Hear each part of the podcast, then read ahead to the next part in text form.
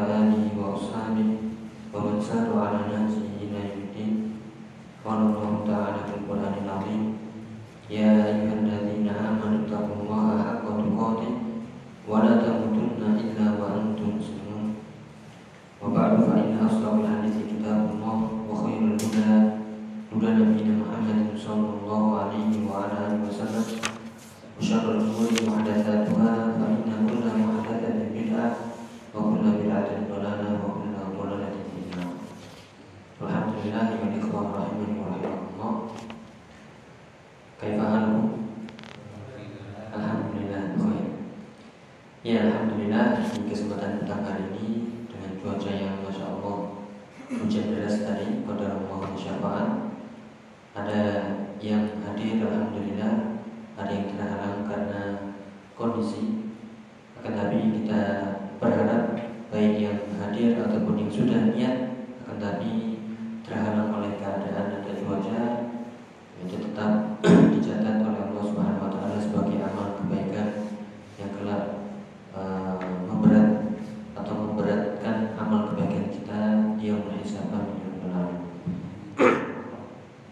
Kita melanjutkan dari belajar kembali kitab tauhid. Dari kitab Al-Mulakhas fi Syarh Kitab Tauhid dari Syekh Al-Fauzan Hafizullah taala wa masih di ayat di surat An-Nisa ayat 36 wa'budullaha wa la tusyriku bihi syai'an. Ya ini adalah ayat yang muallif Syekh Muhammad bin Abdul Wahab rahimahullah di kitabnya bab pertama Kitab Tauhid Beliau berdalil atau beristidlal tentang pentingnya tauhid, wajibnya tauhid. Yang pertama adalah surat Al-Dzariyat, "Wa ma khalaqul jinna wal insa illa liya'budun." Kemudian di surat berikutnya, "Wa laqad ba'atsna fi kulli ummatin rasulan an ya'budullaha wa yajtanibut taghut." Kemudian yaitu di surat Al-Isra, "Wa qadara rabbuka alla ta'budu illa iyyahu wa bil walidayni ihsana." Dan ayat yang keempat yang dibawakan beliau yaitu surat An-Nisa ayat 36 wa'budullaha wa la tusyriku bihi syai'an. Sebagaimana telah pernah kita sebutkan di antara keistimewaan kita bertauhid ini adalah beliau hanya menyusun judul kemudian ya dalil dari Al-Qur'an, dari sunnah dan juga dari ucapan ya ulama salafus saleh. Begitu aja. Dan itulah keistimewaan beliau dan ini bukan uh, sesuatu yang baru, artinya bukan pendapat baru dari beliau, tapi beliau hanya mengikuti ulama salaf sebelumnya. Ya silakan wa'budullaha wa tusyriku bihi syai'an. Kemarin sudah kita baca. Semoga masih ingat di situ ada uh, syai'an nakiro. Ya, jika ada nakiro sebelumnya ada penafian atau nahyun. Kalau diistilahkan nakiro fi nahyi atau nakiro fi siyaqi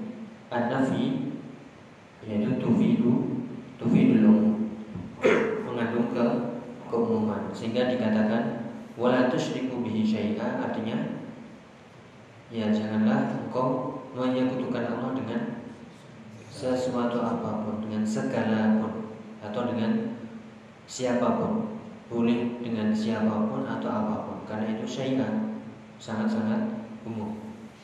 Ya kita bacakan. Yaitu perkataan Syekh Al-Fauzan Alhamdulillah Ta'ala. Silakan. Wala tusyriku. Dari sebelah kanan mungkin. Ya moga wala tusyriku penjelasannya. La tusrifu at-tarkawa at-tarkawa syirka. Utruku utruku utruku syirka wa huwa satu taswiyatu tasbiyatu ghairillahi billahi eh, kayama fima. fima huwa min khoso isillahi ya. Di sini penjelasannya wala tusyriku janganlah kalian berbuat syirik. Maksudnya adalah utruku syirka. Utruku artinya tinggalkanlah kesyirikan ya wala tusyriku artinya janganlah engkau berbuat syirik artinya tinggalkan kesyirikan sejauh-jauhnya dan ini sudah kita sebutkan sebelumnya makna tauhid itu harus mengandung dua yaitu apa ya penetapan dan penafian. Di sini mengandung ya wala tusyriku mengandung ya penafian. Artinya apa? Ingkari kesyirikan, ingkari menyebutkan Allah, tinggalkan kesyirikan. Apa itu syirik? Wa wa wa tasbiyatu ghairillahi billah. Ya, tasbih apa artinya tasbih? Menyamakan ghairillah selain Allah billah dengan Allah. Fima wa min khosaisillah. Yani poin pentingnya menyamakan selain Allah dengan Allah dalam perkara-perkara yang menjadi kekhususan Allah. Ya, kalau itu sama misalnya ya Allah memiliki nama Ar-Rahman. Ada seorang makhluk yang namanya juga Ar-Rahman. Apakah ketika seseorang menamakan Ar-Rahman syirik? Ya, karena itu belum menjadi kekhususan Allah. Baru kalau kita yaitu me menyamakan yaitu yang menjadi kekhususan Allah misalnya dalam masalah rububiyah saja. Menurunkan hujan misalnya. Kemudian kita menyamakan makhluk ada yang bisa mengatur atau menurunkan hujan. Berarti dia sudah ya menyekutukan Allah Subhanahu wa taala. Ya, jadi ada hal-hal yang sama tapi jika sudah masuk ke ranah yang menjadi kekhususan Allah, maka kita harus ya ya meninggalkannya. Kenapa? Laisa kamitslihi syai'un wa huwa samiul basir. Ya, contoh dalam masalah asma wa sifat tadi kita sebutkan Ar-Rahman atau contoh misalnya Allah memiliki wajah Apakah ketika kita mengatakan Allah memiliki wajah berarti kita menyamakan Allah dengan makhluk? Ya, secara wajah umum sama-sama memiliki wajah. Tapi kalau sudah masuk ranah kekhususan dalam arti bagaimana wajah Allah, ya kemudian sifatnya bagaimana, nah ini baru kita tidak boleh menyamakan ya dengan makhluk. Ya intinya di sini menyamakan selain Allah dengan Allah dalam perkara yang menjadi kekhususannya baik dalam masalah uluhiyah ya kemudian masalah rububiyah dan masalah asma wa sifat. Ya itulah syirik ya kemudian syai'ah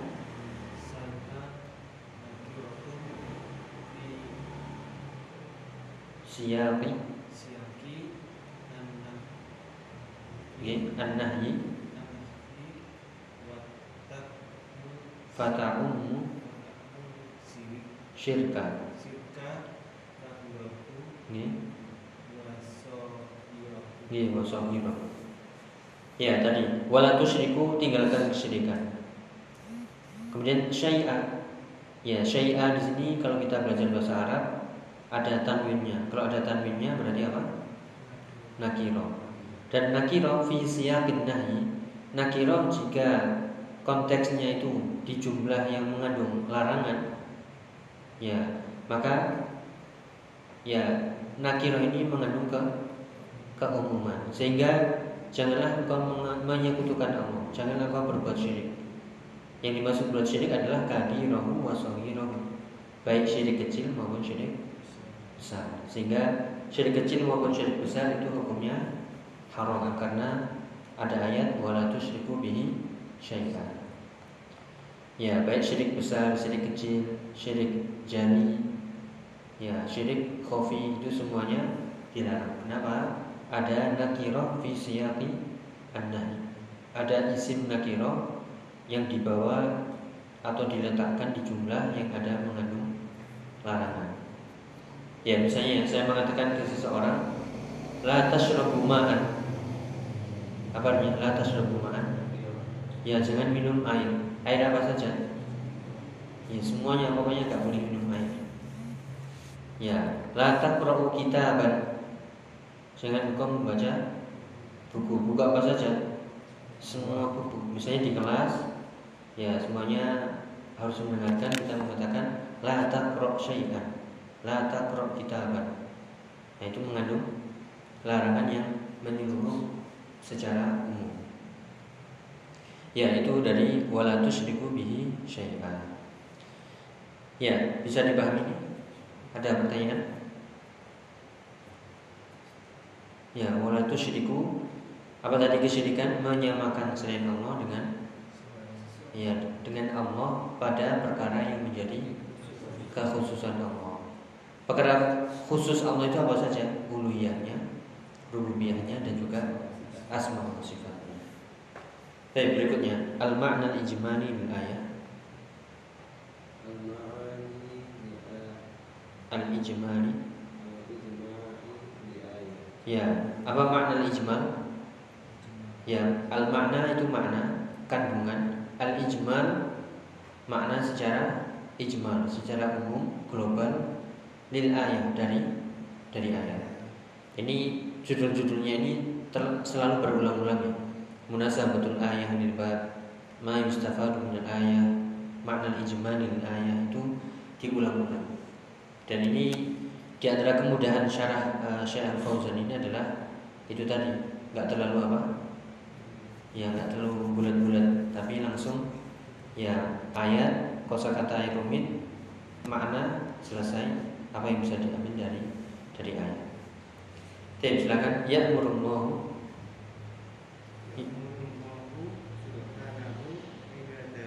ibadah bi ibadatihi wahdahu ya wa yanhahum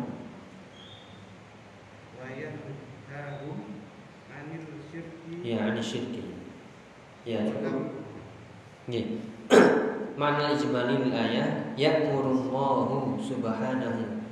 Ya'muru artinya amara ya'muru Allah memerintahkan. Subhanahu itu sifat Allah yang artinya maha yang maha suci. Dari kata sabbaha yusabbihu tasbihan subhana.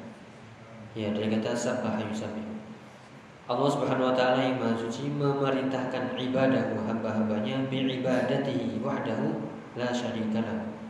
Memerintahkan kepada hambanya agar mereka beribadah kepada Allah wahdahu. Penekanan ini ya. Artinya apa? Beribadah kepada Allah saja. La syarikalah. Tidak boleh ada kesyirikan ya di sana. Wa yanhahum. Dan juga melarang dari kesyirikan. Selain mencampur adukan juga ya melarang. Ya, yang artinya melarang tadi apa? Ting tinggalkan. Ya, kita lihat penjelasannya sekali lagi. Silakan lanjutannya. Walam walam yakhussu walam yakhussu nau'an min anwa'i anwa'il ibadati la la du'aan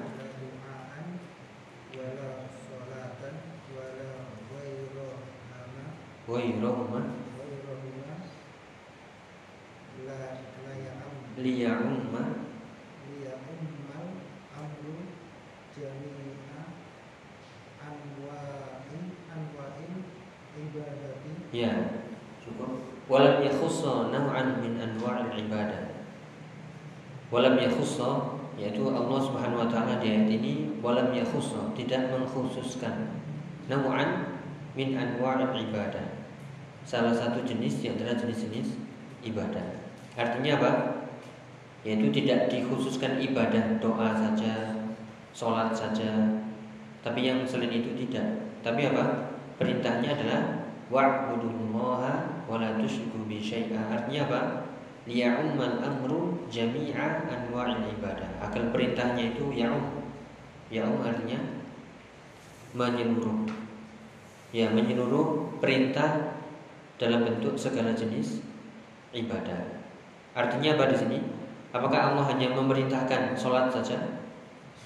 Ya, zakat saja, doa saja tidak, tapi apa? Semua ibadah disuruh ya mengerjakan. Itu maksudnya.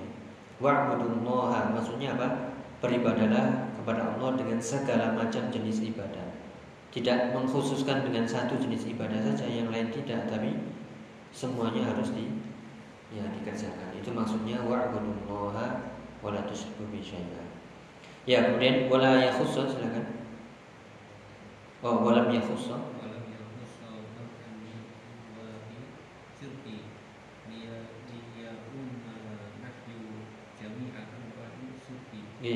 Walam yakhussa sama ini juga. Walam yakhussa naw'an min anwa'i syirki. Allah Subhanahu wa taala di ayat ini tidak mengkhususkan satu jenis di antara jenis-jenis kesyirikan. Kenapa? Liya'umman nahyu jami'a anwa'il syirki. Agar larangan ini sifatnya secara umum yaitu larangan menyekutukan Allah dalam segala jenis kesyirikan. Ya, ayat ini tidak mengatakan jangan kau berbuat syirik kecil saja, atau jangan engkau berbuat syirik besar saja, syirik kecil nggak apa-apa, bukan akan tapi semuanya di ya dilarang, diharamkan. Ya, jadi ini faedah kita belajar uh, lafaz-lafaz umum. Ya, nanti kalau kita belajar lebih dalam ada lafaz umum, ada lafaz khusus. Ketika ada lafaz umum, maka maknanya juga umum seluruhnya. Kalau uh, sampai ada lafat yang khusus. Kalau ada lafat umum, kemudian ada lafat khusus, maka yang menang yang mana? Ya, yang khusus. Misalnya, ya kalau ada lafat umum, kemudian datang lafat khusus, maka yang umum dibawa ke lafat khusus. Itu ada di beberapa kasus seperti itu. Tapi selama tidak ada lafat khusus, maka biarkan nas-nas dalil itu secara umum dengan ke keumumannya dan kita mengamalkan sesuai keumuman ya keumuman dalil dan inilah yang kadang terjadi uh, silang pendapat atau uh, perselisihan pendapat. Satunya mengamalkan hadis umum atau dalil umum satunya mengamalkan dalil khusus. Harus didudukkan. Ya dilihat dulu yang umum ini hadisnya sahih atau tidak yang khusus ini juga hadisnya sahih atau tidak. Kalau sama-sama sahih maka ya yang khusus harus uh, yang umum dibawa ke ke khusus sehingga uh, di situ diamalkan yang khusus. Kalau tidak ada ya kembali ke keumuman tadi. Ya coba kita diskusi dikit ya. Ada nggak dalil secara khusus yang mengatakan sholat uh, ibadahlah satu jenis ibadah saja? Ada? Ya, kalau dilihat dari secara dalil-dalil umum atau keseluruhan maka tidak ada. Hanya mengatakan apa? Sholat saja. Meskipun di ayat misalnya ada wa aqimus sholat wa atuz zakat. Nah, tapi itu digandeng wa aqimus sholat wa atuz zakat. Ya, dan itu pun juga tidak mengandung kekhususan. Ya, nanti semoga kita dapati uh, di dalil-dalil yang umum kemudian karena ada lafaz khusus dibawalah keumuman tadi ke ke dalil yang khusus. Ya Allah taala bisawab. Ada yang ditanyakan ini?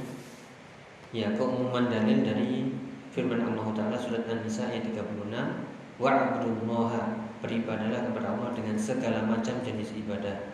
Wala tusyriku bi syai'a jangan kau menyekutukan menyekutukan Allah dengan segala macam jenis ya kesyirikan. Ya, besar ataupun kecil, jali atau khafi, nampak atau tersembunyi, semuanya dilarang oleh Allah Subhanahu wa taala. Ada yang tanyakan? Ya, lanjut sedikit munasabatul ayat lil Silakan.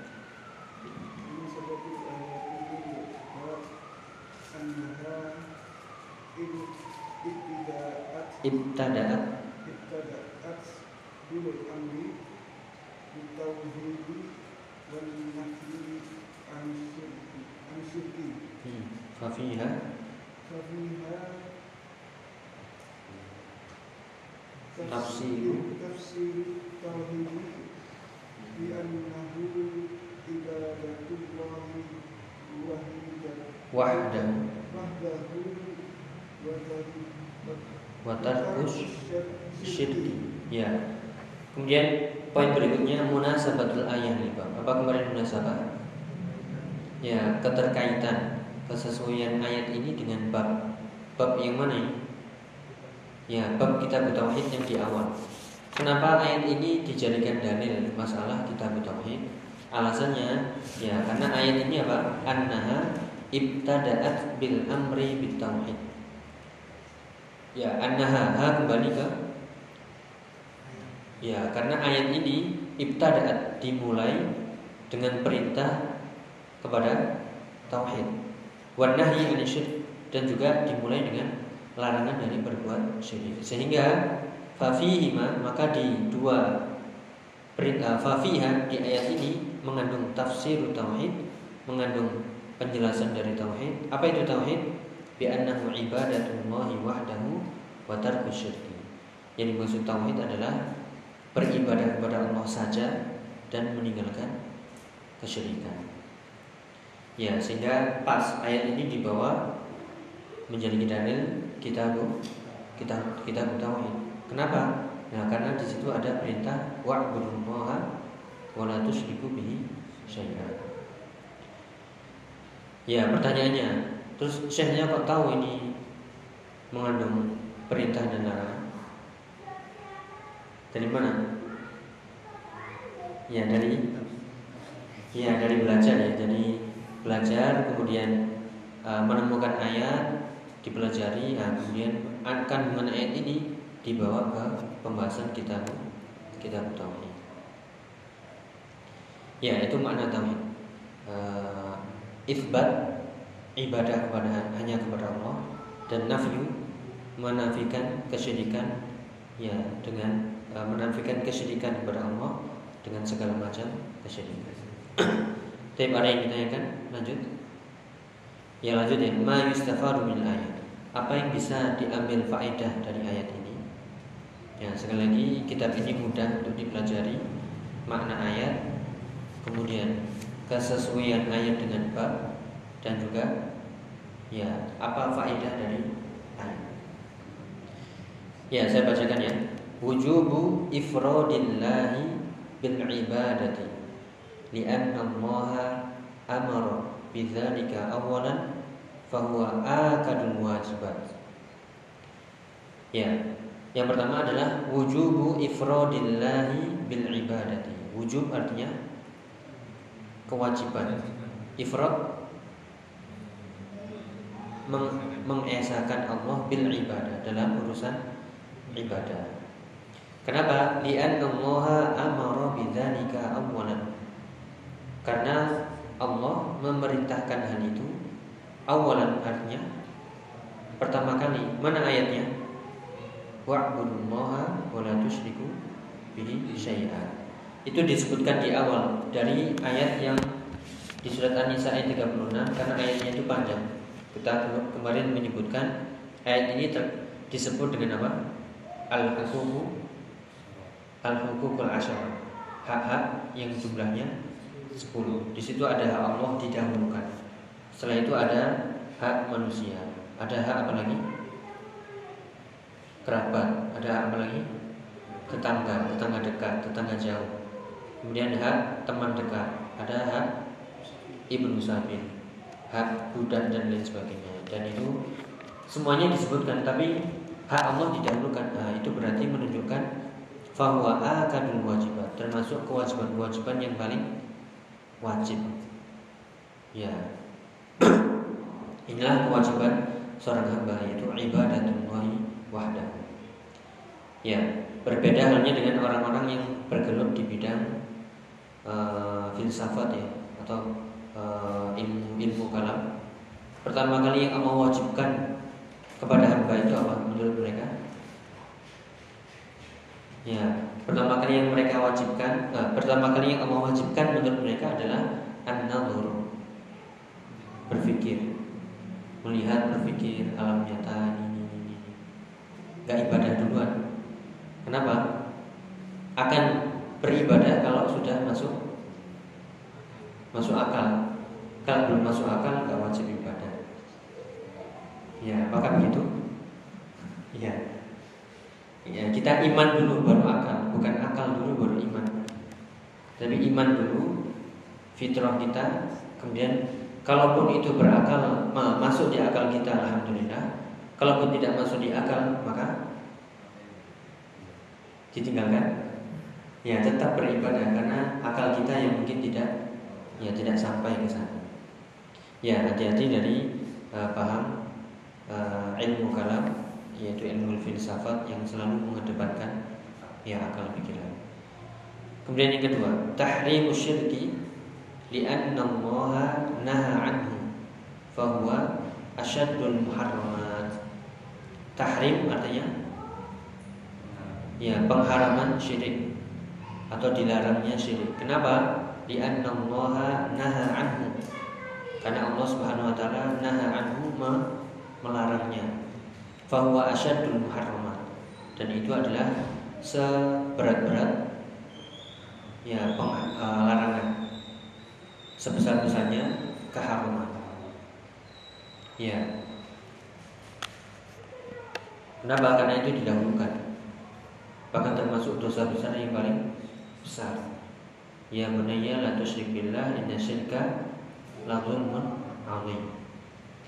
Ya kemarin terlewat sedikit ya eh, kaidah dalam tauhid rububiyah itu pasti mengharuskan seseorang kepada tauhid uluhiyah. Kalau rububiyahnya benar, pasti uluhiyahnya ikut. Ya kita sedikit uh, akan bisa memahami sesuatu yang zalim sekali, sesuatu yang buruk sekali. Ketika seseorang selalu diberikan kebaikan kemudian dia balas dengan keburukan.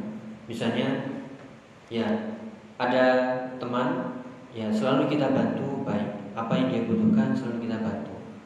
Tiba-tiba yaitu membalas kita dengan keburukan. Ya ini e, kezaliman yang sangat berat itu adalah ketika selalu diberikan kebaikan tapi malah dibalas dengan keburukan. Nah, apa kaitannya dengan tauhid rububiyah dan uluhiyah? Ya, kita pahami. Tauhid rububiyah dari kata Rob Allah yang me mengatur kita, mengurusi kita, memberi rezeki kita, memberi kita sehat, memberi kita rasa aman, melapangkan urusan kita. Tapi ya itu bentuk kebaikan atau bukan? Ya, itu bentuk kebaikan, tapi kita malah membalasnya bukan dengan beribadah kepada Allah, ya beribadah kepada selain Allah. Nah ini keburukan yang sangat atau nggak pakai sangat? Ya sangat-sangat buruk. Makanya dikatakan kezaliman yang paling besar karena dia telah menempatkan suatu ibadah yang seharusnya hanya kepada Allah, tapi dia tujukan kepada selain Allah. Itu yang pertama. Yang kedua karena dia membalas sesuatu yang baik dengan sesuatu yang yang buruk. Seharusnya itu kalau rububiyahnya sudah lurus, maka uluhiyahnya mengikut. Kenapa dalam urusan rezeki yakin Allah yang memberi rezeki, tapi dalam urusan doa kok tidak berdoa kepada Allah? Itu yang jadi ya pertanyaan sehingga uh, kenapa mereka menyebutkan Allah dalam uluhiyah padahal rububiyah mereka ya yaitu mengimani Allah Subhanahu wa. Ya, kemudian yang ketiga, anastina basyirki syartun fi sihhatil ibadah qarana al-amra bil ibadati bin nahyi 'an syirk. Anna istinab apa istinab menjauhi bahwasanya menjauhi kesyirikan itu adalah syaratun fi sihhatil ibadah. Syarat di antara diterimanya ibadah. Sihah artinya apa? Sah. Ya bahasa Indonesia itu sah. Sihah Ya, syarat sahnya ibadah itu harus meninggalkan kesyirikan. Kenapa? Karena Allah Subhanahu wa taala corona. Oh, kok ada corona di sini? Apa corona? Covid-19. ya, corona itu me menggandengkan. Ya, dari kata korin ya. Korin artinya apa? Ya, ya, teman dekat. Allah mendekatkan perintah perintah tentang ibadah dan mendekatkan yaitu menggandingkan antara perintah bertauhid dan larangan meninggalkan syirik. Jadi satu kesatuan. Orang yang bertauhid pasti meninggalkan syirik. Gak mungkin dia bertauhid tapi menyebutkan Allah berarti ada yang tidak sah di situ. Makanya uh, tauhid itu ada satu kesatuan, menetapkan Allah yang diibadahi dan juga meninggalkan kesyirikan. Kalau sampai masih melakukan syirik berarti ya belum memenuhi syarat sahnya ibadah. Ya makanya uh, hukum seseorang melakukan kesyirikan padahal dia sudah mengetahuinya jelas-jelas, maka amal yang dilakukan apa? Ya terhapus semuanya mulai dari balik sampai apa sampai dia melakukan itu terhapus semuanya rugi atau ya sangat rugi. Ya makanya harus bertobat. Yaitu uh, lain asyraf tariyah baton na'amun jika engkau berbuat syirik wahai nabi maka akan terhapus semua amalan. Ya terhapus semuanya. Makanya uh, syirik ini sesuatu yang harus diperhatikan. Eh, bukan sesuatu yang kecil, tapi ya sangat-sangat besar. Karena menentukan sah dan tidaknya ibadah dan menentukan dihapus dan tidaknya amal seseorang. Kalau syirik kecil, ya dia dihapus hanya ya amalan yang ada syirik kecilnya saja. Ketika sholat dia ada ria, ada sum'ah, maka yang terhapus amalannya adalah sholat pada waktu itu saja Ya, ketika sodako di uang nah, di kantong ada 100 ribu, 50 ribu pertama ikhlas. Ya, kemudian banyak yang memuji. Akhirnya wah, kayaknya harus tambah lagi 50 ribu yang kedua, tapi unsur ria. Mana yang diterima? Ya, yang pertama, yang kedua ria. Dihapus ya uh, pahalanya dan amalannya. Ya, makanya ketika kita sholat itu kan satu kesatuannya ketika satu kesatuan itu harus dijaga mulai dari awal tengah sampai sebelum salam ya. Kalau misalnya sodakoh tadi kan bukan satu kesatuan. Bisa dipecah-pecah. Tapi kalau sholat misalnya pas di awal sholat ikhlas. Pas di rakaat kedua muncul dia apa yang harus dilakukan? Ya berbulan ya dirinya bergulat, hatinya bergulat harus dilawan. Ya, selama itu dilawan, kemudian pas salam, ya selamat atau tidak? Selamat, yang penting sudah dilawan. Jangan pas muncul dia diteruskan biasa terus terus terus terus, terus pas assalamualaikum, ya sudah. Ya karena itu satu kesatuan dari takbir sampai salam. Ya makanya terus uh, kita mujahadatun nafsu yaitu mengusahakan diri untuk selalu berbuat apa ikhlas dan menyelamatkan diri dari ya kesyirikan baik syirik kecil maupun syirik syirik besar. Ya, paham ya? Jadi ini yang dimaksud syarat sahnya ibadah. Ya, karena perintah dan larangan dijadikan apa? Satu digandingkan. Wa budullaha wa la syai'an. Satu kesatuan. Kita lagi yang belajar bahasa Arab ya, wa wa itu maknanya ya yang artinya jadi satu. Bukan summa, bukan wa summa wala tusyriku bi. Ah, summa la tusyriku bi bukan. Kalau summa itu ada jedanya. Jadi seolah membolehkan beribadah kepada Allah, kemudian ya jangan berbuat syirik. Tapi ini satu kesatuan. Ya, jadi dijadikan satu. Ya, kemudian yang keempat, an-syirka haramun qalilahu wa katsirahu. Kabirahu wa saghirahu. Lianna kalimata syai'an nakiratun fi siyaqin nahi wa ta'ummu kulla dzalika. Kesyirikan hukumnya apa? Haram qalilahu wa katsirahu. Apa artinya? Sedikit maupun banyak kabirahu wa saghirahu besarnya ataupun kecilnya kenapa lianna kalimata syai'an karena kata syai'an itu dalam bahasa Arab isim ya nakiro fi siyaqin nahyi yang dibawa atau dimasukkan dalam jumlah yang mengandung nahi apa nahi? Larangan. Sehingga maknanya ta'ummu kulladzalika menyeluruh secara umum yang dimaksud dengan syai'ah itu semuanya. Ya baik syirik kecil besar ya sedikit, sedikit ataupun banyak semuanya hukumnya haram. Ya kemudian yang terakhir annahu la yajuzu an yushraka ma'allahi ahadun fi ibadatihi la malakun wala nabiyyun wala salihun minal awliya wala sanamun lianna kalimata syai'an ammatun. Ya bahasanya la yajuz tidak boleh menyekutukan Allah atau beribadah kepada Allah bersama Allah. Itu maknanya sama. Ya, menyekutukan Allah itu maksudnya apa? Beribadah kepada Allah juga beribadah kepada selain Allah. Di situ ada unsur taswiyah, me menyamakan. Yaitu menyamakan Allah dengan makhluk sama-sama diibadahi. Padahal masalah ibadah itu menjadi kekhususan Allah. Itu yang tadi yang dimaksud. Jangan sampai kita menyamakan selain Allah dengan Allah padahal yang menjadi kekhususannya. Kalau itu terjadi maka dia berbuat ya syirik.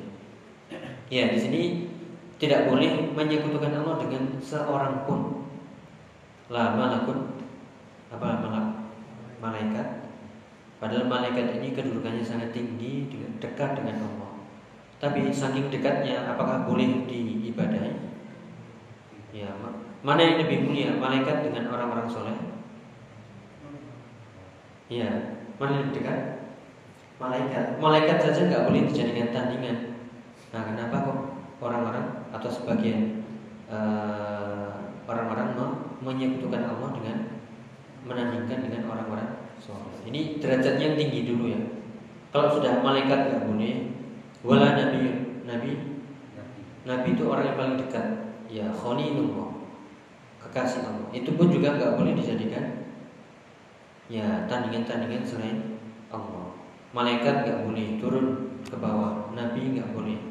Wala solihun minal awliya. Dan juga orang-orang soleh dari kalangan wali Allah. Itu juga tidak ya tidak diperbolehkan sebagai tandingan sekutu Allah Subhanahu wa taala. Wala sonamun apalagi sonam apa sonam? Berhala. Ya patung. Atau pohon-pohon bebatuan. Yang makhluk hidup saja nggak boleh apalagi benda mati malah diibadahi. Ya. Sehingga lianna kalimat syai'an amatun kenapa ini? Malaikat nggak boleh nabi nggak boleh orang soleh nggak boleh berhala tidak boleh kuburan batu-batuan. Ya apalagi uang. Ya pohon. Lukisan. Ya bergambar syekh atau habib ya misalnya.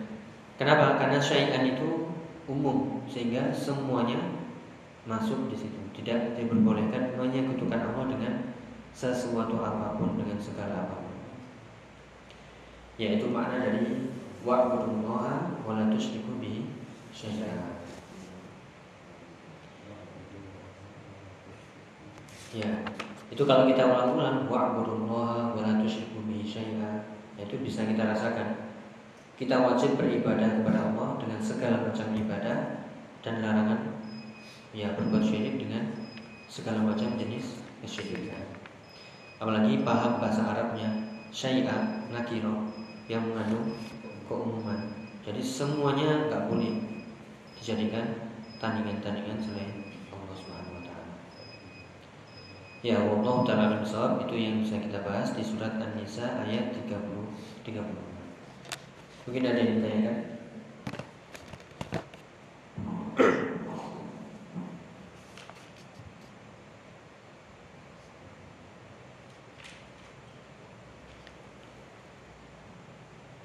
Ya, monggo sudah ditanyakan. Yang terakhir. Lian kalimat syai'an 'ammatun karena kata syai'an itu amatun umum Dari mana kita tahu itu umum? Yang pertama dari bahasa Arab syai'an nakiro itu mengandung keumuman. Ditambah lagi apa? Letaknya di kalimat yang mengandung larangan sehingga larangan yang juga bersifat umum. Seperti kita ibaratkan la tashrab ma'an. Jangan kau minum air. Apa air apa saja? Semua air. Ya, la takrab syai'an. Jangan kau membaca sesuatu apa pun. Gak boleh baca buku, gak boleh baca HP, gak boleh baca surat. Ya, gak boleh baca apa Ya, semuanya pokoknya gak boleh. Karena larangan yang di situ memakai nakiro dan nakironya didahului oleh ya larangan. Ini kaidahnya, kaidah dalam uh, usul, dalam bahasa atau uh, kaidah usulnya. Oke. Ada yang lain ditanyakan?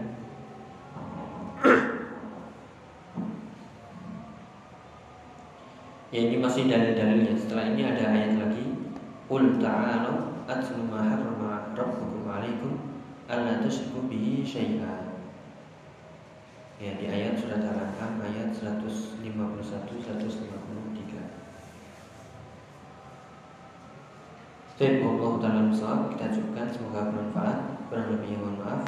Semoga Allah Subhanahu Wa Ta'ala mengistiqomahkan kita di atas tauhid dan menjauhkan kita dari segala macam bentuk kesyirikan. Amin ya rabbal alamin. Wa